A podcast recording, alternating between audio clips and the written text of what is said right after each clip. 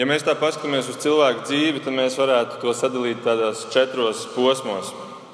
Vispirms cilvēks piedzimst, tad viņš dzīvo, tad viņš nomirst, un tad viņš dzīvo mūžībā.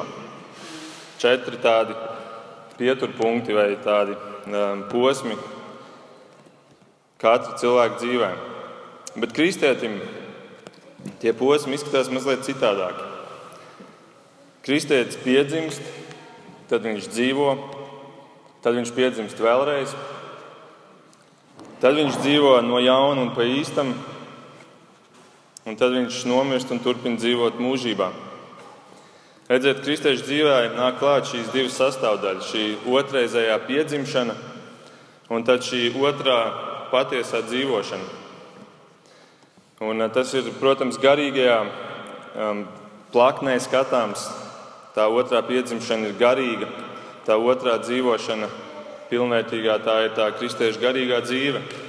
Un mēs šos divus kristiešu dzīves elementus varētu nosaukt tā, kā to arī teoloģijā sauc par jaunpiedzimšana un svētapšana. Jūs noteikti esat dzirdējuši šos nosaukumus. Jaunpiedzimšana ir tas, tā otrā piedzimšana, svētapšana ir tā visa dzīve, kas seko pēc tam. Tā dalās tā kristiešu lielā dzīve divās daļās. Un pēc tam, kad cilvēka dzīve beidzās, kad svētapšana beidzās, tad pienāk godība tā lielā godība, ko Dievs ir sagatavojis mums. Bet kamēr mēs šeit esam, mums ir pēc jaunpiedzimšanas dzīve svētapšanā. Ko tad nozīmē svēta tapšana? Ko nozīmē vārds svēts? Ko nozīmē tapt svētam? Vārds svēts nozīmē nošķirts. Tātad svētapšana nozīmē tapt nošķirtam. Tad mēs varam jautāt, nošķirtam kam? No kā un kam? Atbildi ir nošķirtam no šīs pasaules dzīves un nošķirti dievam. Mainās fokus, mainās virziens, mainās jēga. Piemēram, vecajā derībā šis nošķiršanas simbols bija Izraēla tautas nošķiršana no pārējām tautām.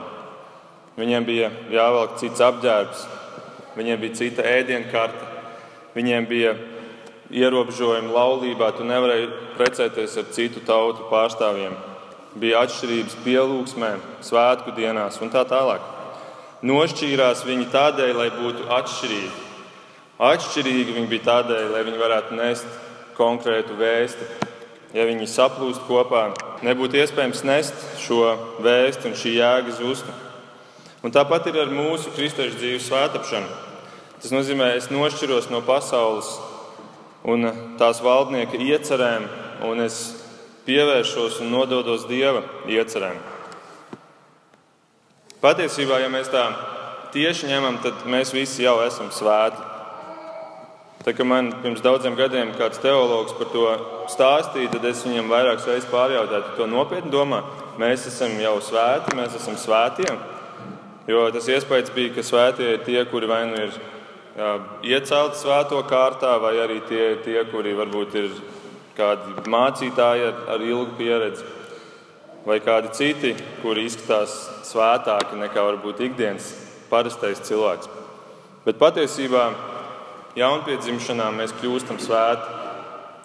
Dieva acīs mums ir šis status dots, ka mēs jau esam svēti. Un tomēr mums ir jātop svētiem.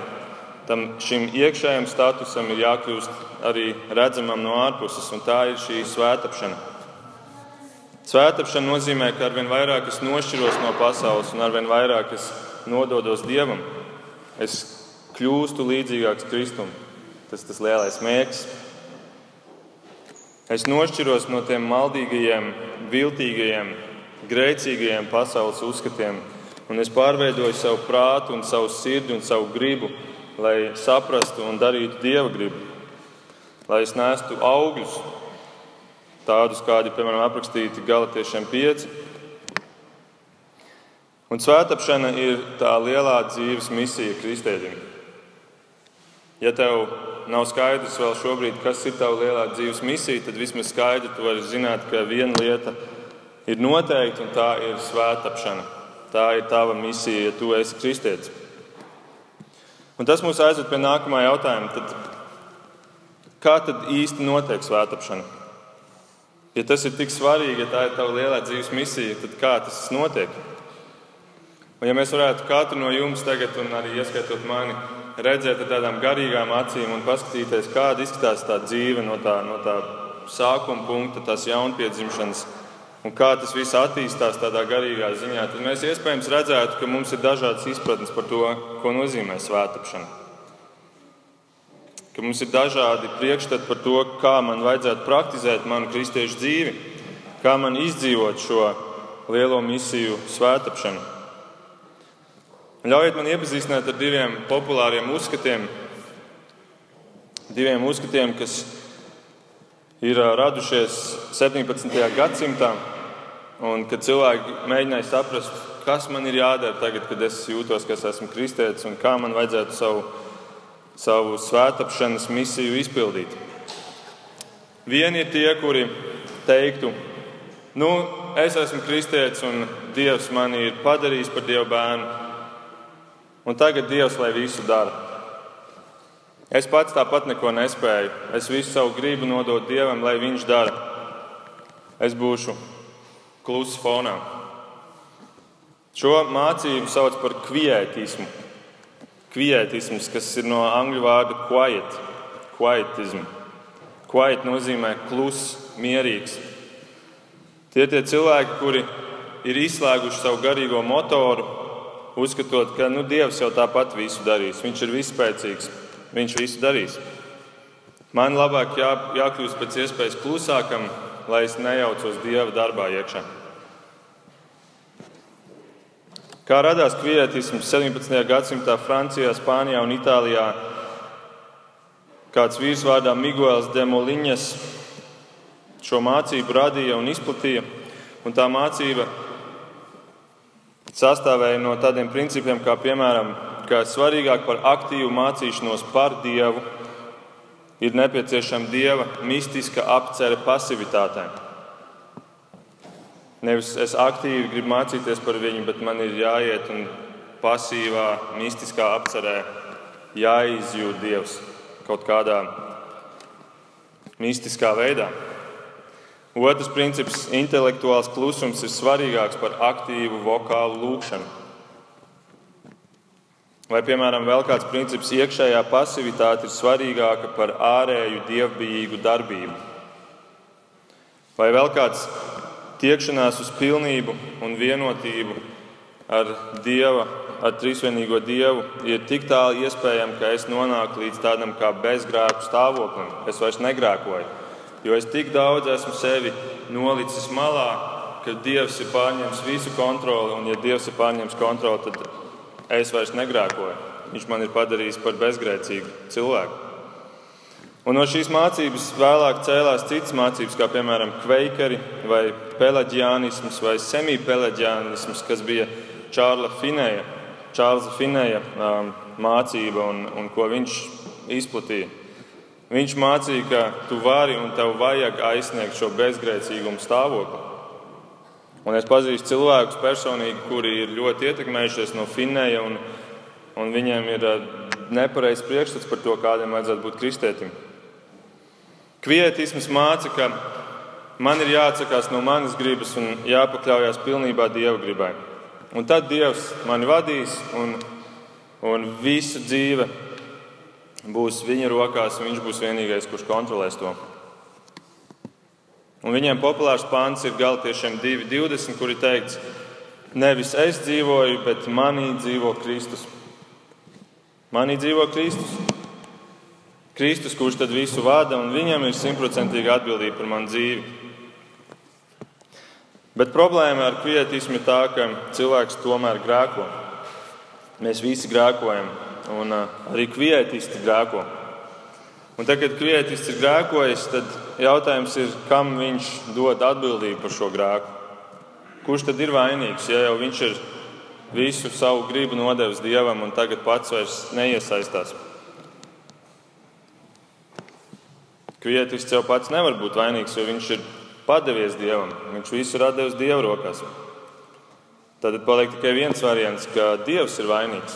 Dieva atbildība ir tā, ka cilvēks grēko. Protams, tā arī nav un nevar būt, jo Dievs nevar grēkot. Un te mēs redzam, ka šī mācība, šis kvietisms, ka Dievs visu jau izdarījis, man nekas nav jādara, ka viņi nestrādā, viņi nav bibliski. Un tāpēc jau tajā pašā 17. gadsimtā katoļu pāvests nosodīja šo mācību kā herēzi. Un tomēr Daudzi cilvēki un kristieši arī šodien joprojām dzīvo ar šo kvietismu priekšstatu. Viņi varbūt to nekad ne, nenosaukt šādu, jo viņi iespējams šodien pirmoreiz dzird vispār tādu vārdu. Bet dzīvo ar šo priekšstatu, ka ja es jau esmu kristietis, viss ir nokārtots, tālāk Dievs nes atbildību par manu dzīvi. Man nekas nav jādara, es nododu visu viņa rokās, lai viņš dara. Jo es jau tāpat neko nespēju. nespēju.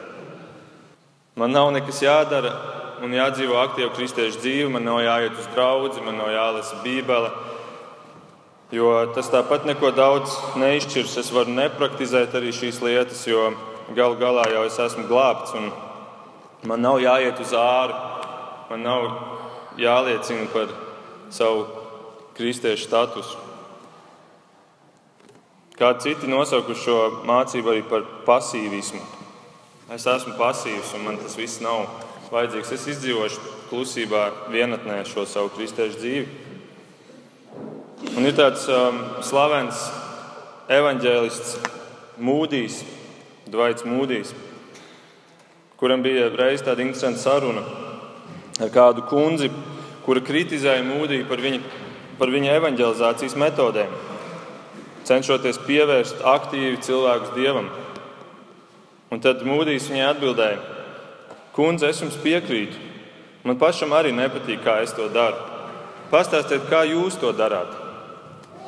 Un tad šī kundze atbildēja, es? Nē, es to nedaru vispār. Tad mūdīs atcirta.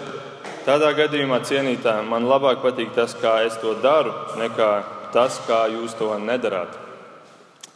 Mūdiem acīm redzot, bija saruna ar kvietistu, kura kurai bija šis uzskats, ka man nav jāiet uz āru, man nav jāizdzīvo aktīvi savu kristiešu dzīvi. Visa atbildība ir Dieva pusē, un es viņam labāk netraucēšu. Ir kāda otra mācība, kāds otrs uzskats, to sauc par pietismu. Kvietisms, pietisms. Šis ir pretstats. Šis, šī mācība pasaka, viss ir manā ziņā, viss simt procenti ir atkarīgi no manis. Ja es nedarīšu, Dievs nedarīs.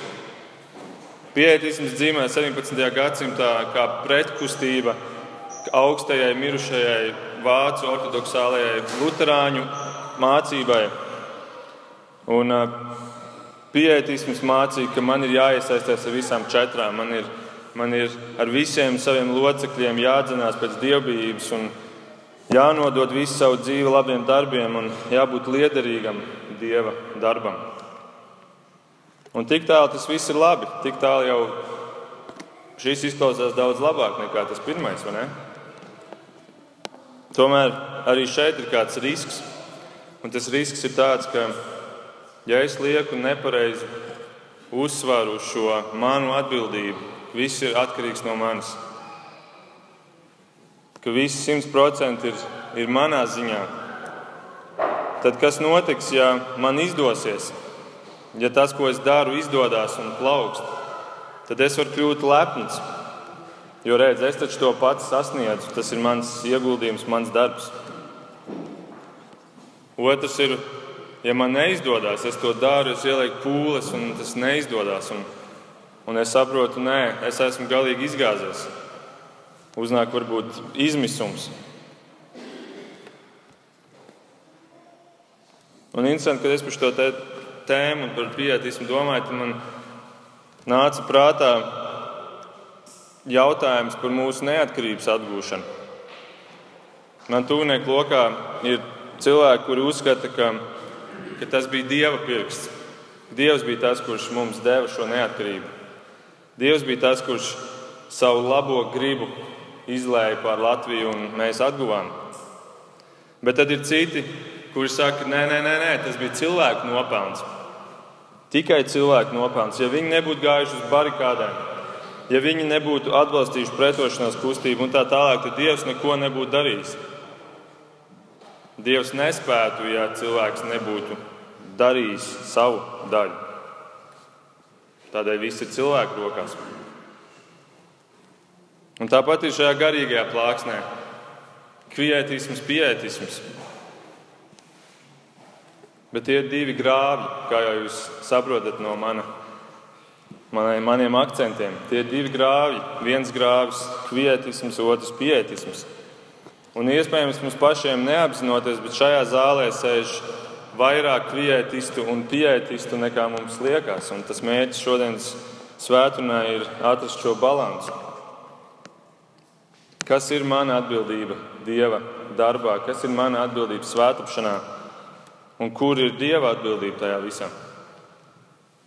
Un kā jau bieži tas ir patiesi, tad patiesība ir kaut kur pa vidu.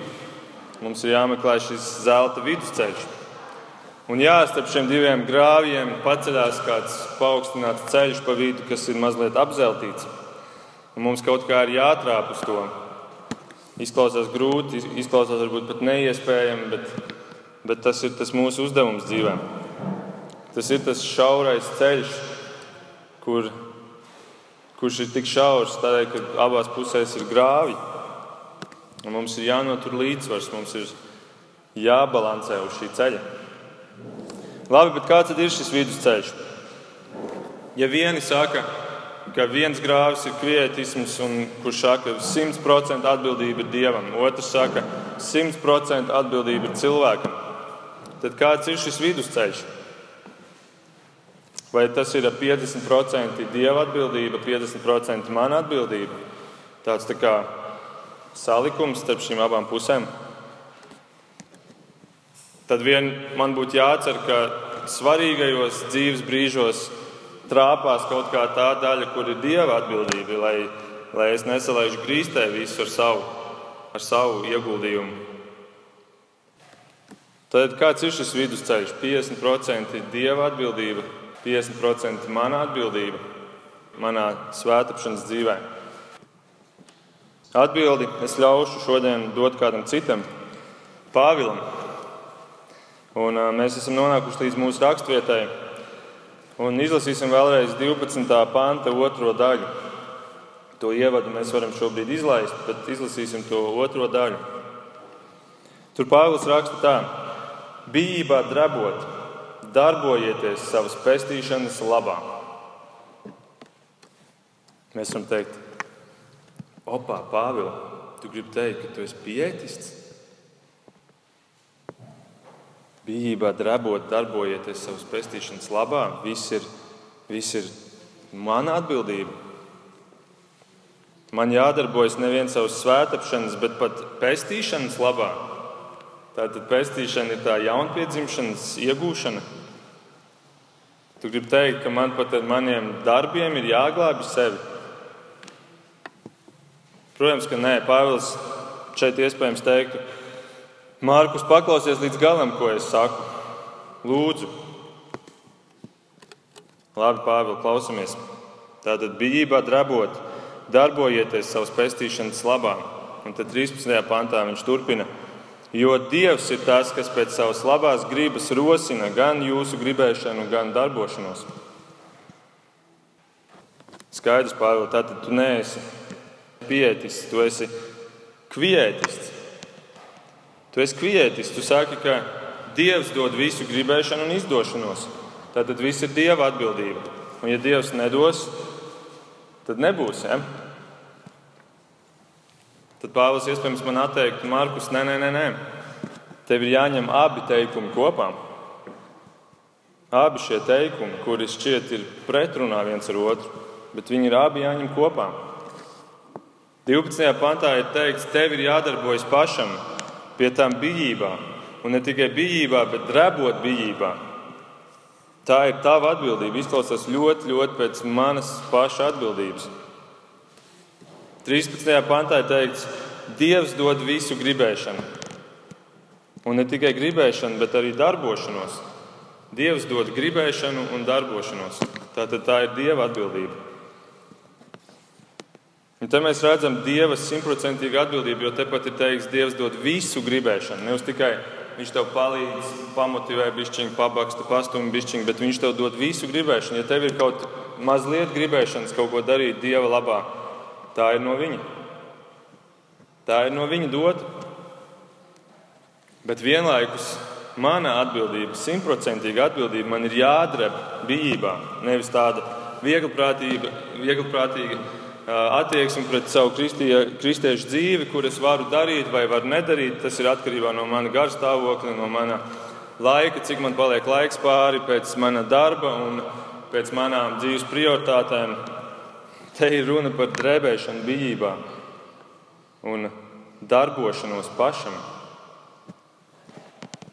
Es ceru, ka jūs jūtat šo svāru abās pusēs. Tas nav tāds 50, 50, bet abās pusēs tev ir smaga soma.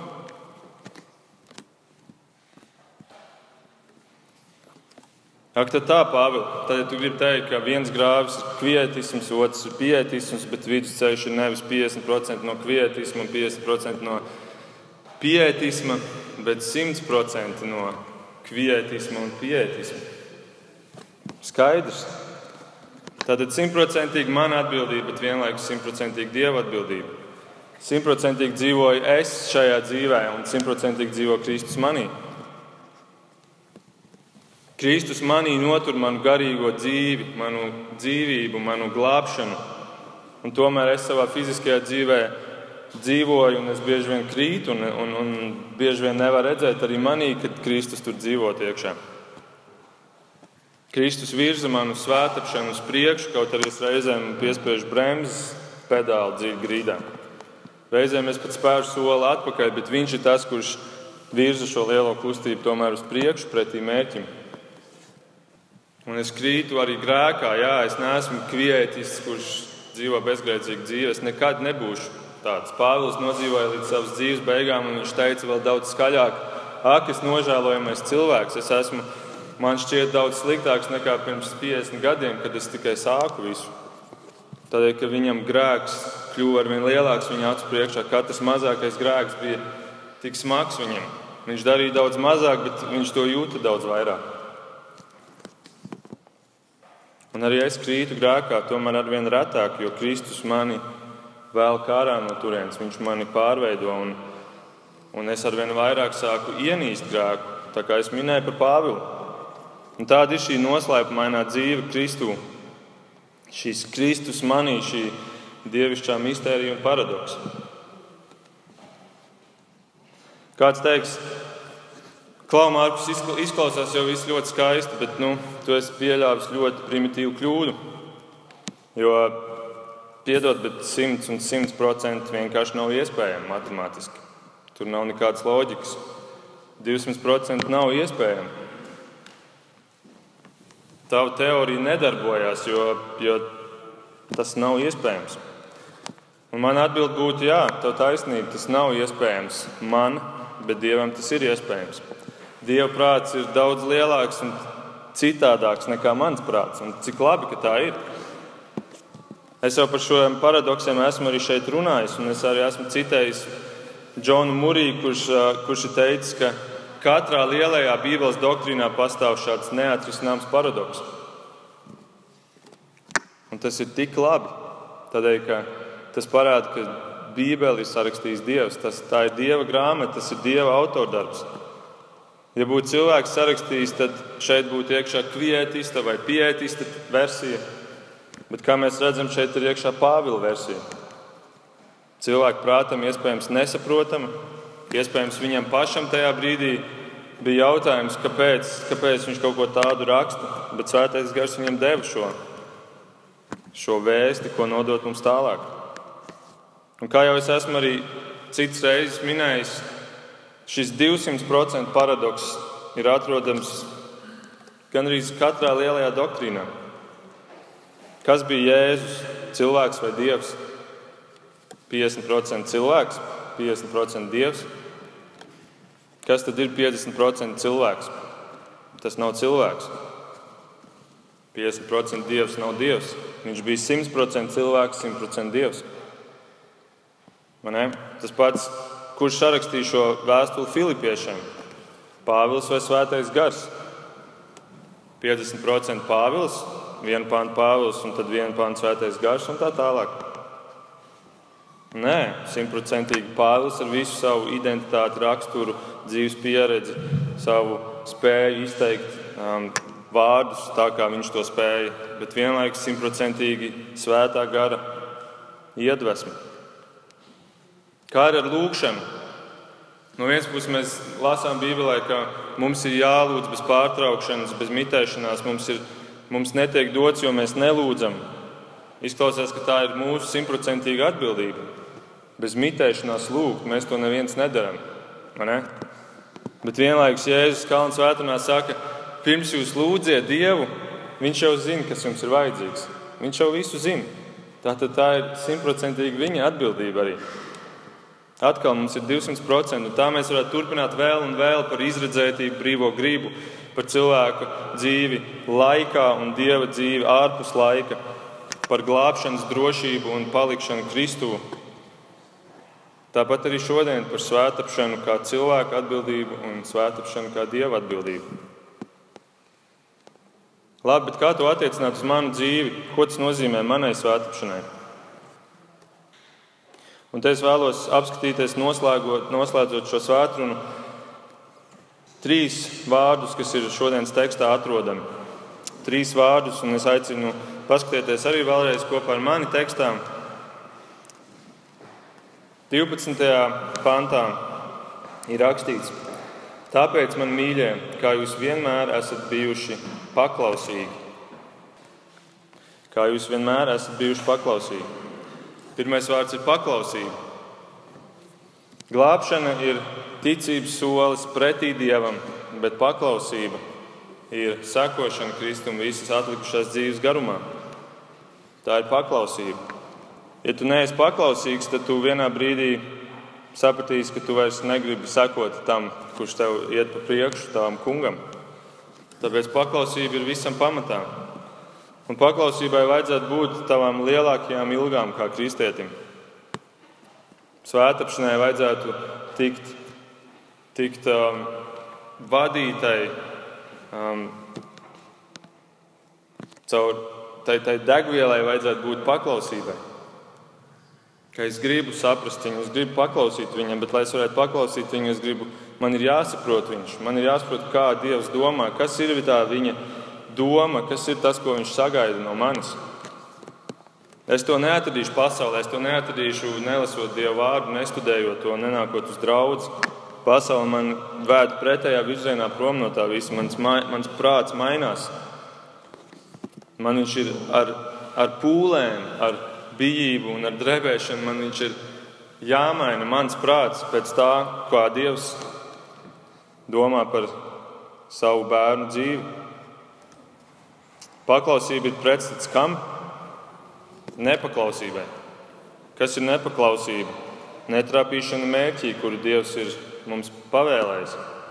Netrāpīšanai mērķī grieķu valodā ir vārds hamartija, kurš latviešu tulkojās grēks. Nepaklausība ir grēks. Paklausība ir skriešana prom no grēka pretī tam mērķim, kur Dievs ir devis. Bet skriet prom no grēka mēs varam tikai tad, ja mēs apzināmies, kas tad ir tas grēks, kas Dieva acīs ir grēks. Un mēs to pašu nekad neuzzināsim, ja Dievs mums to nepateiks, bet Dievs to mums pasaka caur Dieva vārdu. Un tāpēc Dieva vārdu izpratšana ir paklausības solis numur viens. Svēta tapšana, tava un mana, sākās ar paklausību Dieva vārdam. Bībele mums dod kādu ļoti, ļoti īpašu fragmentu, Jāņa 17, kur Dievs sarunājās ar Dievu. Tā ir saruna, kurā mēs varētu cilvēki nekad neieskatīties un nekad neko neuzzinātu par viņu, ja Dievs nebūtu izvēlējies šo savu sarunu padarīt zinām mums, mirstīgiem cilvēkiem. Viņš to izdarīja. Jāņa 17 ir lūkšana, kur Jēzus lūdz savu tēvu. Un viņš lūdz par to, lai mūsu svētāpšana notiktu. Viņš saka Dievam, dari viņus svētus patiesībā. Dari viņus svētus patiesībā, un tad viņš pasaka, kas ir patiesība. Tavi vārdi ir patiesība. Tavi vārdi ir patiesība, tavi vārdi ir tie, kas darīs viņus svētus. Svētāpšana un Dieva vārds iet roku rokās. Un jautājums mums katram, ko mēs varam uzdot šobrīd sev, vai es dzenos pēc tā, lai saprastu Dievu, vai es mācos Dieva vārdu, cik laika es pavadu tam. Salīdzinot ar visu to pārējo, ko es mācos un gribu izprast, piemēram, lasot ziņas internetā vai, vai skatoties televizoru, kur es arī kaut ko mācos. Vai es esmu arī atvērts mainīt savu nostāju? Vai es esmu gatavs iet pret to pasaules traumu, kura, kura ar savu domu mani, mani mēģina vilkt tajos ierastajos standartos, kuri kļūst ar vien populārāki mūsu sabiedrībā. Piemēram, attieksme pret homoseksuālismu, kur tiek izdarīts ļoti liels spiediens uz to, lai, lai arī draugi to pieņem kā normu. Tas kļūst ar vien lielāks izaicinājums mums katram. Ar uh, mazāk varbūt tādiem skaļiem standartiem, piemēram, ka Nevajag iet un kalpot draudzēm. Priekš kam? To lai dara tie, kuri jūtas augstāki varbūt, vai piemērotāki.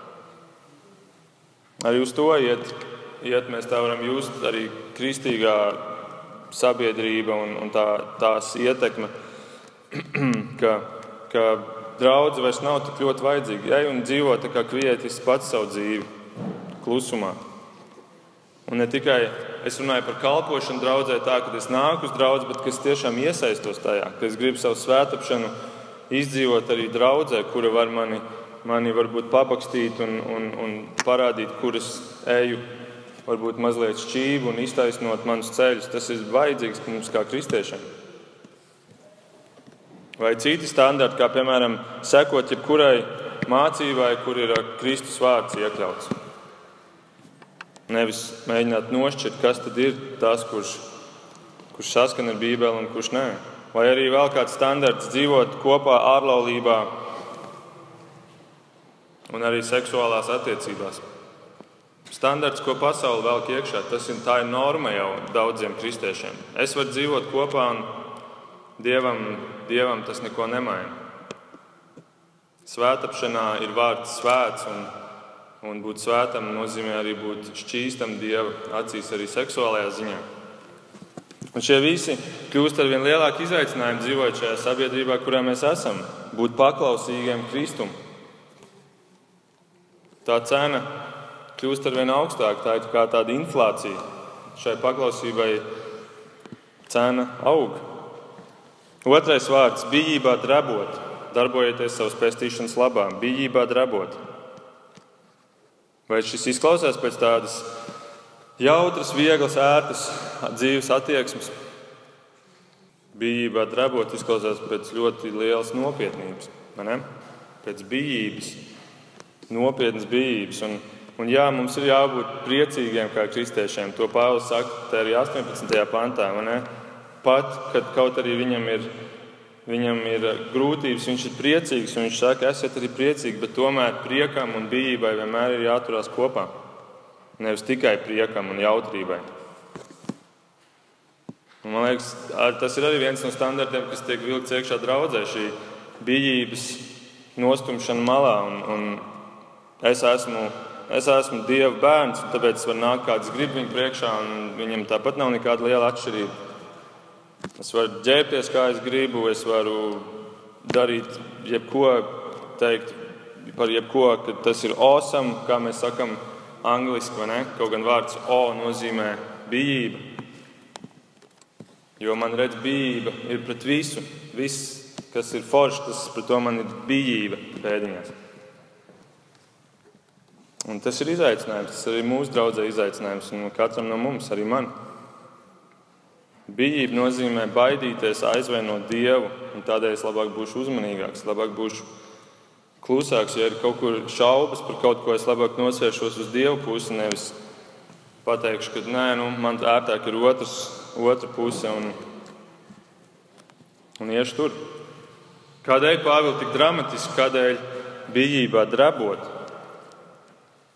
Tādēļ, ka visapkārt ir ļaunums, kārdināšana, maldi, grēks, tas visapkārt mums ir. Un, un, un ja mēs nebūsim paklausīgi, tad mēs to neredzēsim. Bet jo vairāk mēs būsim paklausīgi, jo ilgāk mēs iesim viņam pakaļ, jo vairāk mums radīsies bijība un sapratne par to, kādi ir riski mums apkārt, kāds ir Dievs un kas ir tas, kas Dievam ļoti nepatīk. Jautājums atkal katram mums sev.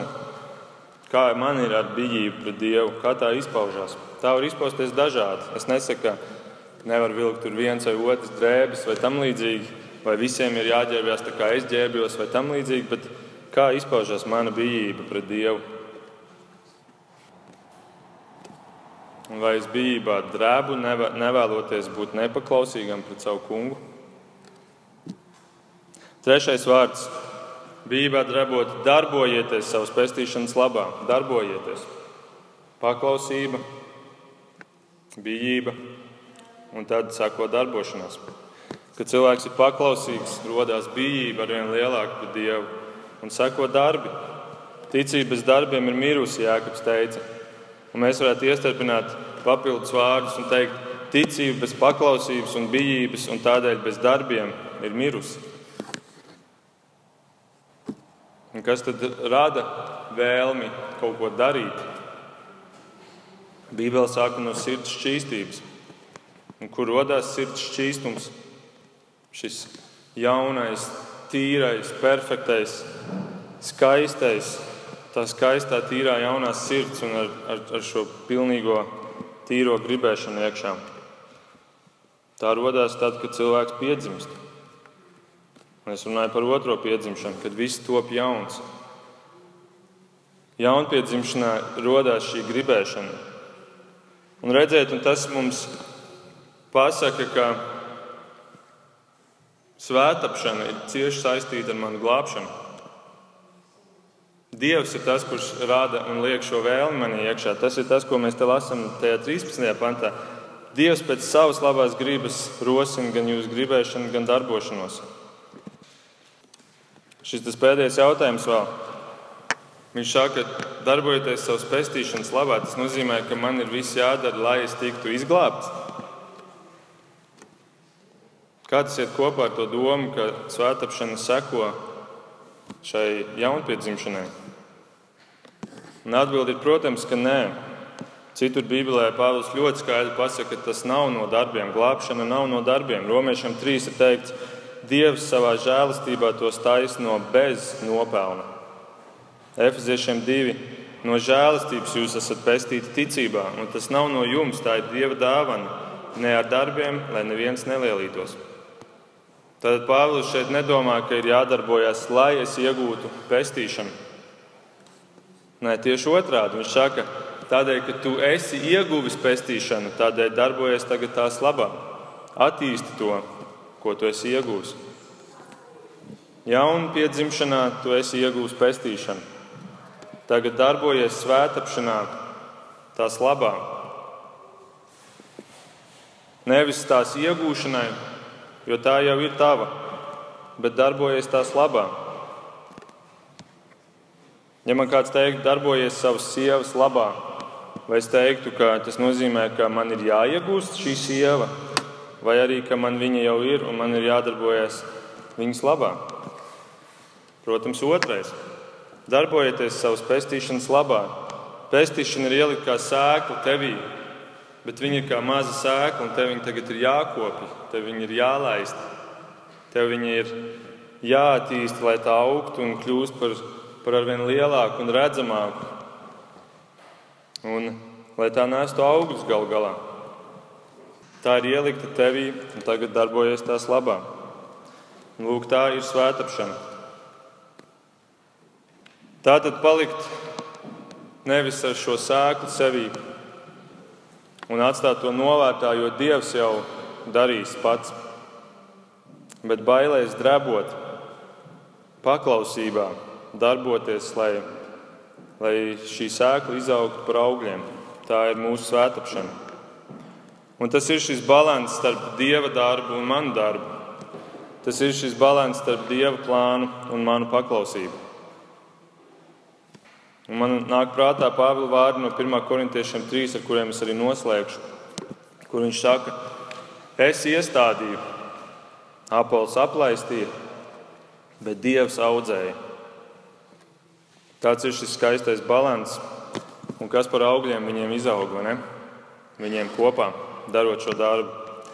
Lai Dievs svētī arī mūsu, mūsu atbildību, pildot, bet vienlaikus saprotot, ka Dievs to visu vada un ir klāt un dod izdošanos. Lūksim!